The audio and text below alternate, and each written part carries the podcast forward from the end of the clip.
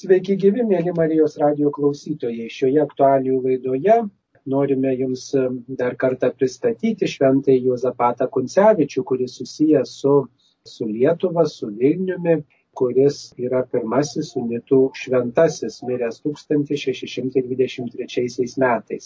Šioje laidoje dalyvauja Regina Atkočiūnaitė, kuri atstovauja kelionių organizatoriai Mundas Mirabilis.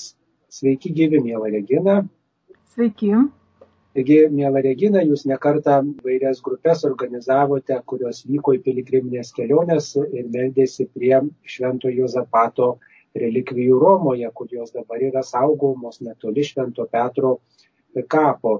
Taigi galbūt pradžioje pristatykite mums šitą šventąjį, jo biografiją, kokie jo gyvenimo tokie bruožai, nes ne visi mes prisimenam ir žinom šį šventąjį, kuris susijęs su Lietuva, šventasis Juozapatas Kuncevičius.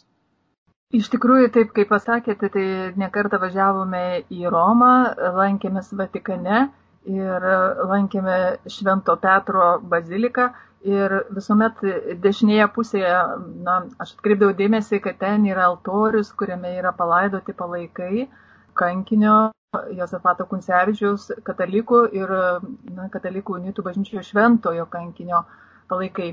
Ir iš ties ta vieta e, Romos e, Vatikano bazilikoje yra dažniausiai užtverta, nes ten stovi klausyklos, ten klausoma iš pažinčių ir prie to altoriaus prieiti netaip paprasta.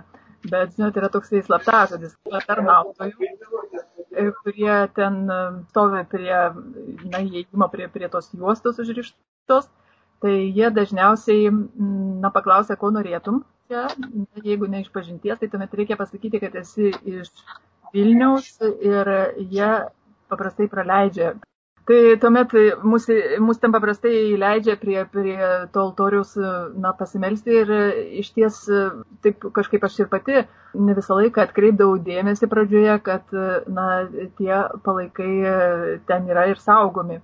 Bet iš ties gyvendamas Vilniuje negali nežinoti šitos istorijos, nes tai tikrai šventasis, kuris gyveno Vilniuje, vaikščiojo mūsų miesto gatvėmis ir pačiame Vilniuje na, pasvarstyti apie tą šventąjį, pamastyti turbūt e, yra verta.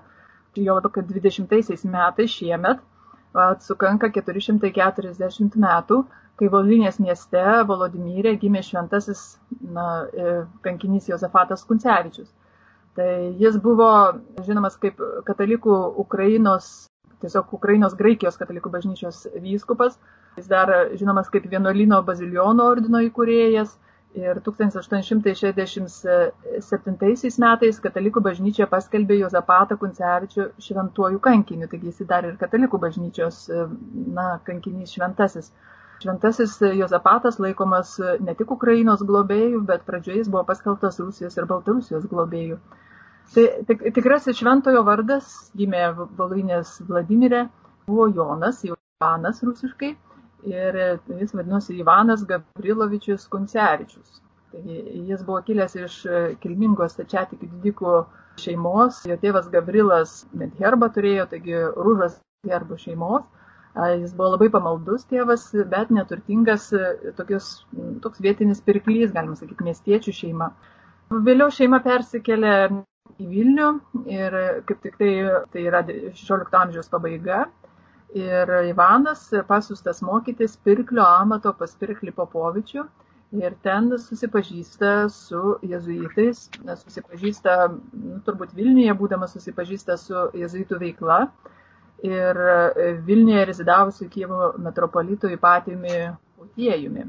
Palaikomas jo 1104-aisiais jis nusprendžia stoti į Švento Bazilijaus ordiną. Na, 1104 metai Vilniuje yra labai svarbus metai, nes iš ties tie metai, kuomet kanonizuojamas šventasis Kazimieras. Iš ties į Vilnių buvo atvežta popiežiaus Klemenso VIII brevė apie karalaičio Kazimiero paskelbimą šventuoju. Ir, na, ta naujiena buvo pasitikta labai iškilmingai. E, jezuitų surengė didelės procesijas iš Švento Stepono bažnyčios į Vilniaus katedrą. Tose procesijose buvo nešama iš Romos atgabenta vėliava su Švento Kazimiero atvaizdu. na, vyko vaidinimai Švento Kazimiero gyvenimą ir turbūt jaunai Ivaną paveikė pasakojimai apie karalaičio Kazimiero gyvenimą, apie jo pasiaukojimą vartams ir jis nusprendė tapti vienuoliu. Na ir jo tikslas buvo visą gyvenimą rūpintis neturtingais, skurstančiais, na, padėti tiems, kam reikia pagalbos, ne tik materialios, bet ir dvasiškos. Ir 1604-aisiais, tais pačiais metais, jis įstoja į Švento Bazilijaus ordino vienuolius ir gauna naują vienuolišką vardą Jozapatą. Taigi vienuolynas e, tada buvo gan apleistas. Tuo metu sakoma, kad buvo tik vienas gal brolis, gal, gal daugiau, bet vien žodžiu, iš tiesų nedaug tų brolių ir Ivanas Kuncevičius pasirinko vienuoliškai Jozapato vardą, nepaisant to, kad ten tas vienuolynas buvo pustuštis ir apleistas. Ten stovėjo tuomet jau ta mūrinė cerkvė pastatyta Ostrogiškio, Konstantino Ostrogiškio Taigi jis ją statė kaip padėką Dievui iš pergalę mūšyje prie Maskvos, su, Maskvos kariuomenė prie Oršos, atsiprašau.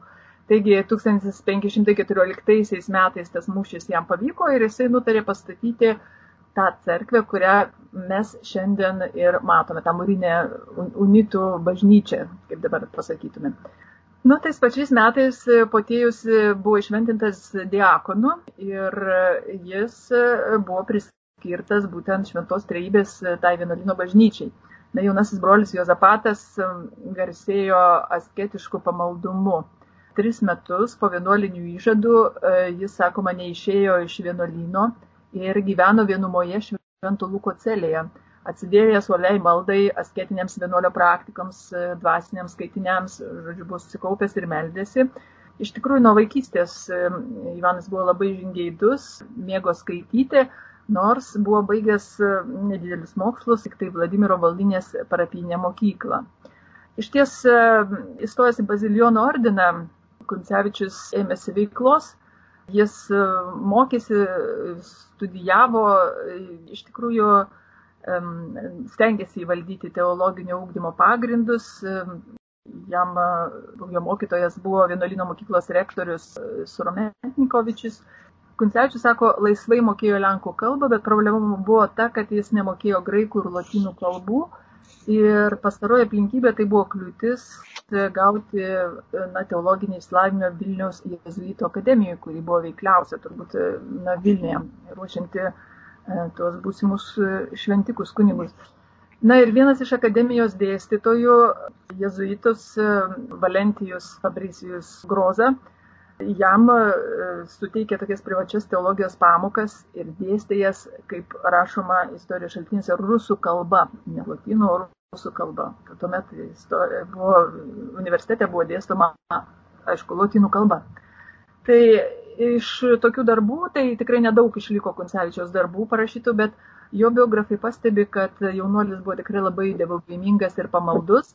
Ir pasakojama, kad na, jis dar vaikystėje, būdamas ketverių metų, e, kai kartu su motina meldėsi Vladimiro Šventos Praskevijos e, bažnyčioje prie nukryžiuotojo altoriaus, tai jis pajuto tarsi karštą žaryją, nukrintančią tiesiai iš nukryžiuotojo Kristaus šono, ta žaryja palėtė jo širdį, uždegė jo širdį, uždegė didžiulę meilę Kristui ir bažnyčiai. Nu ir šitas stebuklingas prisilietimas buvo toksai tiesioginis ženklas jo visiems darbams tolimesnėme gyvenime. Taigi šventintas į diakonus Jozapatas e, ne tik gėdojo ir tarnavo cerkvėje pradžioje, bet sakė labai dvasingus pamokslus. Ir tie dvasingi pamokslai ir išgarsino. Taigi Kievo metropolitas Adomas Ipatijus Pociejus buvo įkūręs novicijatą ir Jozapato kvietimu į tą novicijatą 1607 metais po trijų metų iš švenčiausios trejybės vienuolyną Vilniuje įstojo ir Ivanas Veljaminas Rutskis. Taigi jis pasirinko vienuoliškai Juozapo vardą. Nu ir jie abu, Juozapatas ir Juozapas, kartu mokė novicijus, tvarkė naujokyną ir Juozapatui tarnaujant kantoriumi vienuolino bažnyčioje jis išsiskyrė tokia griežta asketizmo praktika sakoma, kad e, jis ilgai pasnikaudavo, nešiodavo šutinę, marino savo kūną, na ir aišku, tai silpnino galbūt e, jo sveikatą. Nu, 1609-ieji. Tas pats metropolitas Ipatijus Pociejus išventina Jozapatą į kunigus, paskiria jį novicijų kuratoriumi ir tais pačiais metais Zigmantas Vaza, karalius, taigi karališkuoju diktu graiko apieigų katalikams, unitams perdoda švenčiausios treibės bažnyčią ir vienuolyną, kuriuos jie buvo atnaujinę ir na, įrengė septynis altorius. Taigi iš tikrųjų e, Jozapato Kuncevičiaus e, darbai ir gyvenimas galbūt nebūtų toks žinomas, jeigu jis nebūtų kartu vienoje celėje vienerius metus gyvenęs su Antonijumi Anastazijumi Sėlėva vadinamoju. Taigi jis vėliau tapo proto archimandritu ir Kievo metropolitu ir Antonijus tapo svarbiu liudininku Jozapato betifikacijos byloje ir jis e, bylai rinkdamas medžiagą labai daug medžiagos surinko apie e, patį Jozapatą. Iš tikrųjų, ne tiek rašydamas ar kažką tai publikuodamas, bet turbūt dirbdamas tokį pasiaukojantį darbą, kuris liūdėjo meilė ir Dievui, ir žmonėms, e, Jozapatas tikrai susirado daug draugų. Tie draugai dažnai būdavo turtingi žmonės ir jie vienuolynui dovanodavo žemės, pastatus, kurie buvo na, reikalingi įrengti naujiems unitų vienuolynams turbūt. Ir, pavyzdžiui, greitai bitėne, netoli slonimo, unitams padovanotoje žemėje buvo įsteigtas vienuolynas ir tas turtingas šlėkta, kuris dovanoja žemę, tą vienuolyną statė savo dukrai Efrozinai. Pavyzdžiui, Smolensko kaštelionas, tam Jonas Meleška pasikvietė Jozapatą į Žirovicus ir ten e, taip pat pastatė vienuolyną. Nu, vienuoliams jis buvo e, padovanojęs Žirovicų kaimą ir tame kaime buvo cerkvė su stebuklingu švenčiausiu Dievo motinos ikona, su stebuklinga ikona. Ir paskui tai tapo centru, piligrimų centru ir žinome, kad Žirovičiuose šiandien yra didelė seminarija, tai stačiatikių. 1613-aisiais e, mirė Kievo metropolitas Ipatijus Pociejus ir popiežius naujojų Kievo metropolitu patvirtino Velyminą Rutskį. Jis e, buvo Vilniaus bazilionų vienuolino archimandritas, vyriausiasis, ir naujojų Vilniaus bazilionų archimandritų na, buvo paskirtas Jozapatas. Tuo metu vienuolynė gyveno jau nemažai vienuolių, apie 60, palyginkim su pradžia, kai jis atkeliavo į tą vienuolyną, kai jis rado apleistą jį su, su tikrai nedaug tų brolių, Tai toks didėjantis vienuolių skaičius per ganėtinai trumpą laiką taip pat liudija apie plačią ir patrauklę vienuolių Jozapato ir Vėlymino veiklą. Aišku, siekta kas? Nu, su, suvienyti bazilionų vienuolynus, nes iki tol tie vienuolynai veikia atskirai. Ir būtent Šventojo Bazilijos didžiojo regulą remiantis vienuoliškojo vienuoliškojo gyvenimo taisyklės sukurtos, pritaikytos jos, adaptuotos naujam laikmečiui. Taigi Jozapatas Kuncevičius ir Viljaminas Rutskis nuveikė didelį darbą, nes jie sukvietė naujai regulai priimti tokį na, suvažiavimą, kapitulą, tokia didelė visų vienuolynų unitų. Galiausiai Rūtos dvarą suvažiavę archimandritai iš visų vienuolynų sujungė penkis bazilionų vienuolynus, tai Vilniaus, Biteno, Žirovicų, Minsko, Naugarduko vienuolynai susijungė ir buvo įkurta Švento Bazilijos didžiojo ordinas. Tai švenčiausios trejybės kongregacija ir centras buvo Vilniuje. Ir tai galima pasakyti, kad tai vienintelis ordinas įkurtas Lietuvoje. Tai ne per seniausiai, jisai čia prieš kelis metus minėjo 400 metų jubiliejų, buvo didžiulė šventės, iškilmės ir minėjimai. Na, dėl padidėjusių naujokų skaičius e, teko persikelti Kuncevičiui į kitą vienuolyną iš Vilniaus, tai su novicijais jis persikėlė į Biteno vienuolyną netoli Slonimo. Ir e, taip pat jis ten buvo abatas to vienuolyno ir galiausiai jis buvo išventintas arkiviskupu.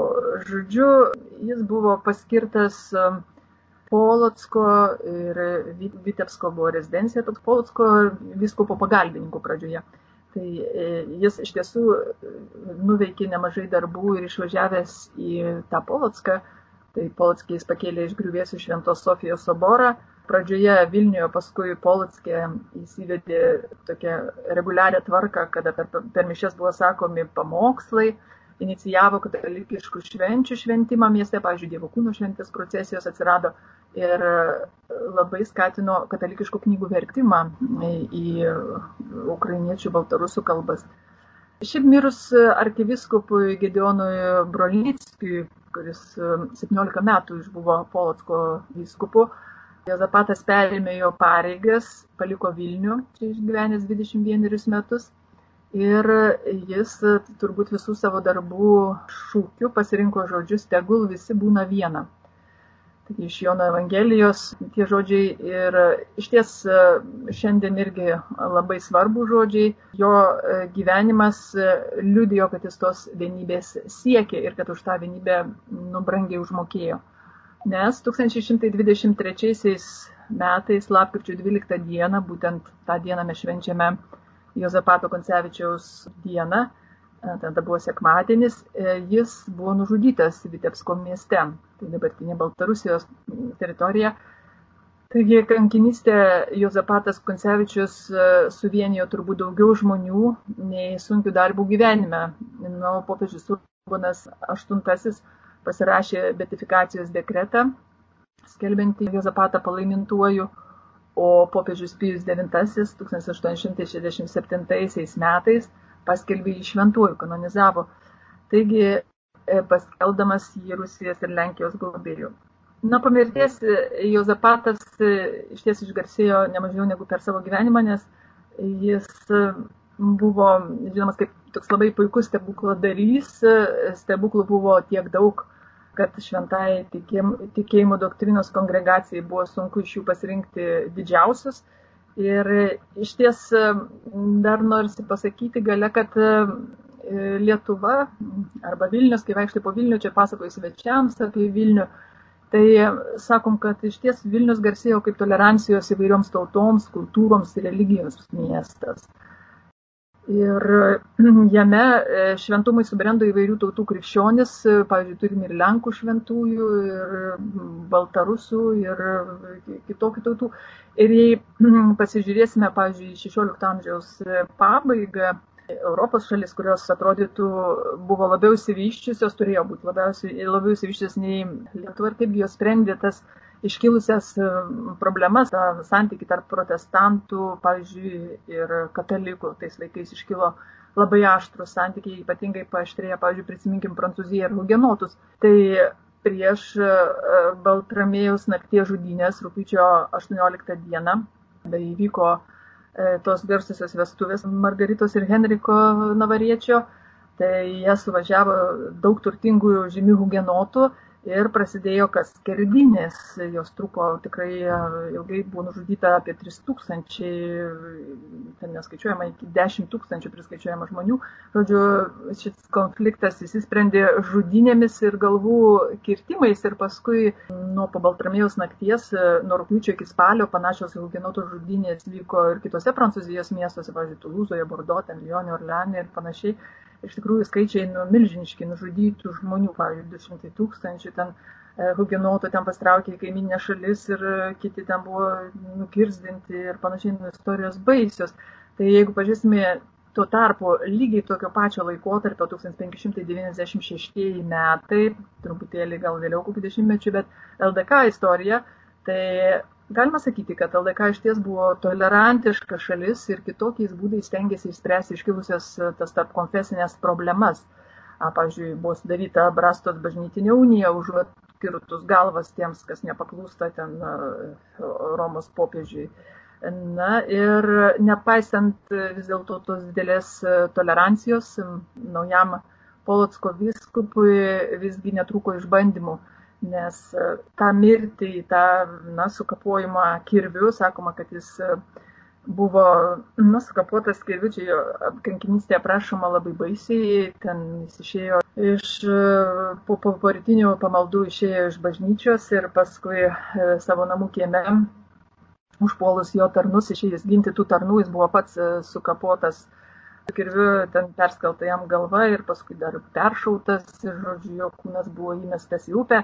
Taigi jis turėjo priešų, iš tikrųjų jis turėjo priešų, nes sakoma, kad vis tiek ten buvo vietiniai gyventojai, gal šiek tiek paveikti alkoholio, gal, ten, nežinau, kas, kas galėjo tą, tą, tą kankinystę matydamas joje dalyvauti, bet iš tiesų tai jo priešai buvo ne tik tai tokie paprasti žmogeliai, papirkti, gal įsiutinti, gal nugirdyti, bet jo priešai buvo ir tokie, pavyzdžiui, stačiatikių paskirti viskupai, galiausiai toks buvo Meletijus Matrickis, taip pat gimęs Ukrainoje, jo bendramžys.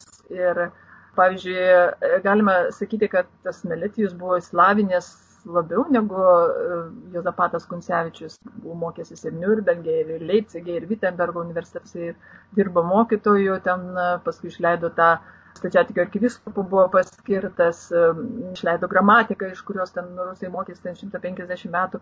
Iš tikrųjų, e, tai buvo labai šviesi asmenybė ir visgi jis e, slapta prisidėjęs prie na, tos e, kankinystės, paskui labai gailėjosi ir vienas iš stebuklų po to nužudimo, po to makabriško nužudimo, kai Jezapatas Konsevičius žuvo tą dieną, tai iš ties Motrickis iškeliavo iš Vilniaus, kelias, jis atliko piligriminę kelionę į Šventą Žemę ir šiaip e, Vilniuje nebuvo keletą metų, bet 1627 metais e, jis e, slapta atsisakė stačiatikybės.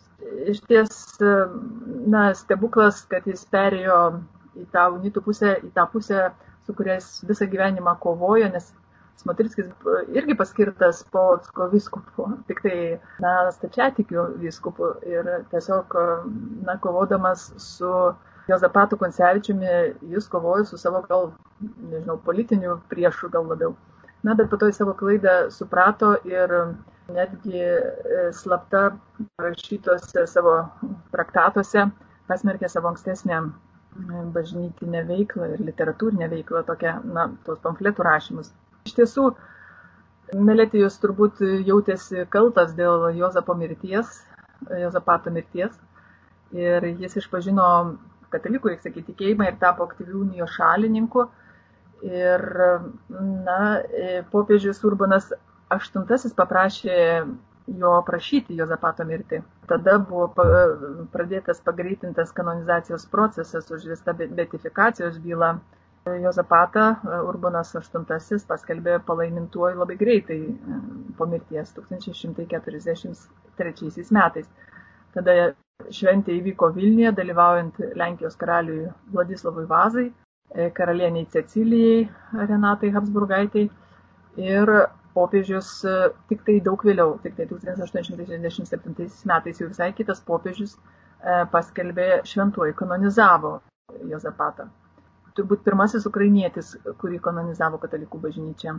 O šiaip jo palaikų kelionė tai buvo ne ką mm, įdomesnė negu jo pačio gyvenimo kelionė, nes pradžioje jis buvo palaidotas e, Polotske, e, Polotsko bažnyčioje, bet e, vėliau jo palaikai keliavo. Pavyzdžiui, 1916 metais Šventojo Zapato palaikai buvo pervežti iš Šventos Barboros bažnyčią Vienoje. Iki tol jie buvo slapstomi įvairiose Lietuvos, Lenkijos, Baltarusijos vietose, nes caro valdžia persekiojo unitus ir e, norėjo gražinti stačiatikybę į unitų bažnyčias, atminėjo tos bažnyčias ir e, palaikus reikėjo saugoti. Ir bažnyčiose taip keliavo palaikai 33 metus, dar ilgiau, ir tik tai 1949-aisiais jie buvo pervežti į Romą 14 metų, 63 perlaidoti Vatikane. Švento Petro bazilikos, kaip sakiau, dešinėje navoje, Švento Bazilijos didžiojo altorius yra tenai. Ir e, Vatikane įvyko ypatinga e, graikų rytų apieigų katalikų šventė, kilmingai dalyvaujant šventajam tėvui Pranciškui. Iš viso pasaulio atvykusiems ukrainiečiams, dvasininkijos, vienolyjos ir pasauliečių atstovams buvo paminėta Šventojo Jozapato palaikų perkelimo iš Švento Petro bazilika 50-metis. Taigi 2015 e, metais. Taigi relikvijos, kurios e, buvo sudėtos į tokį na, relikvijorių, labai garbingame altoriuje, labai garbingoje vietoje, Švento Petro bazilikoje esančiame altoriuje, liudija, kad nu, Vatikanas įvertino Jozapato Kuncevičiaus žygius ir kad tuos žygius nepelnytai, ta dvasinė kelionė gal nepelnytai, mes kartais pamirštame gyvendami čia visai netoli Vilniuje. O kaip taip atsitiko, kad Švento Jozapato relikvijom tokia garbinga vieta skirta Petro bazilikoje visai netoli Šventojo Petro relikvijų? Aš galvoju, kad, aišku, labai didelį vaidmenį vaidina tai, kad jis yra e, vienintelis unitų šventasis kanonizuotas na, bažnyčios. Kiti yra, jie turi daug palaimintų kankinių, betifikacijos bylos dar tęsiasi, bet galvoju, kad e, katalikų bažnyčia irgi labai svarbi, ta unija labai svarbi vienybė ir labai svarbus, e, na, kiekvienas viskupas už tą vienybę padėjęs galvą. Ir galvoju, kad na, viskupas, kuris visą savo gyvenimą paskyrė, žmogus, kuris visą savo gyvenimą paskyrė to vienybės siekimo, tai pasiekė tą vienybę jau po mirties. Galvoju, kad nes prie altoriaus tikrai eina ir, ir unitai priklaupė, ir katalikai priklaupė, ir, ir pravoslavai, mačiau, ateina, lankydami Romą, jie vis tiek neaplenkė Vatikano bazilikos. Tikrai tas e, toksai, akivaizdus pavyzdys e, na, tos, tos kovos tenai, tame altoriuje padėtas, e, tos relikvijos iš ties įkvepia. Įkvėpia žmonės ger, geras mintis, tokias gražina. Na ir iš ties relikvijorius yra taip pat ir čia, Šventos Trejybės bažnyčioje. Tai turi atsivežę relikviją čia į Vilnių. Manyčiau, kad trūksta gal šiek tiek e, informacijos arba gal kokios šventės, kad paminėti, kaip dar ir dar kartą prisiminti, kad e, tos relikvijos čia yra Vilniuje taip pat. Šventasis Jozapatas Kuncevičius gyveno Vilniuje. Kaip tas gyvenimas Vilniuje jo kelyje e, turėjo kokią reikšmę, kaip jis įsirėžė, ar kažkoks ilgėjosi, gal žinoma, jisai Vilniaus ar, ar kažkokiam jo būdo bruožui, ar jo dar kažkokiem kitiem gyvenimo na, aspektam turėjo reikšmės, taip sakant, tas gyvenimas Lietuvoje. Aš manau, kad čia atvažiavęs į Vilnių jis pamatė tokį platesnį spektrą. Jis susitiko su jezuitais, jis iš tiesų pamatė, kad jezuitams irgi rūpi ta vienybė ir e, visą savo esybę pasinėrė į e, teologinės studijas, taip pat nebe jezuitų pagalbos, nes e, šiaip tai jisai buvo pirklys, jis buvo siūstas na, mokytis pirklio amato, bet staiga pasirenka tokį dvasinį kelią, tai matyti jį tikrai labai įtakojo visą tai, ką jis matė Vilniuje tuomet, ta jezuitiška veikla.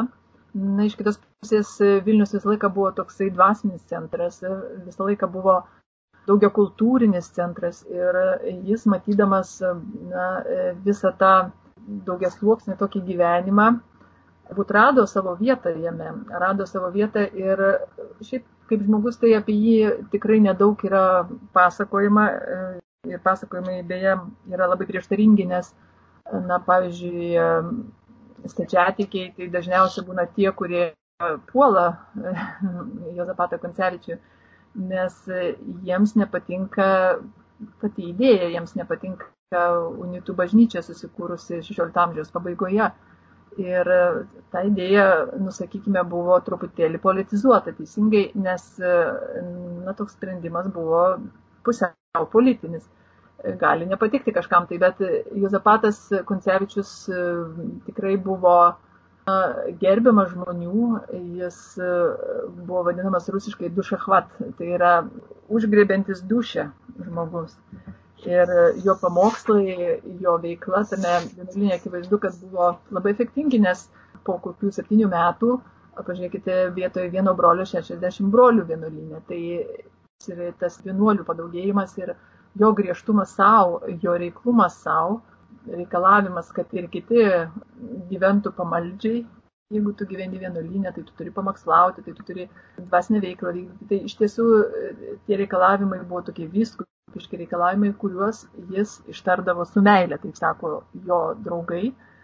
jo prieteliai, o neprieteliai sako, kad nu, jis būdavo griežtas, nu, kad jis ten radęs kokius nors nepaklusniuosius, už, užblombuodavo ten bažnyčios vartus, užklijuodavo ir neleisdavo ten į pamaldas ateiti tenai neunitam, ten atseit jis tas bažnyčias uždarinėdavo. Čia vėlgi tokia, na, politinė gal situacija, kuri susimaišiusi, sumišusi su tuometinė istorija ir tiesiog, nu, galima sakyti, kad manau, kad jis buvo griežtas žmogus, kad jis buvo toksai ir savo, ir kitiems griežtokas, bet galvoju, kad jisai turėjo mylėti Vilnių, nes Vilniuje praleidęs 21 metus labai daug nuveikė šito miesto labui prisimindami šventąjį Jozapatą Kuncevičių, kuris gyveno, kaip sakote, daugiau kaip 20 metų Vilniuje.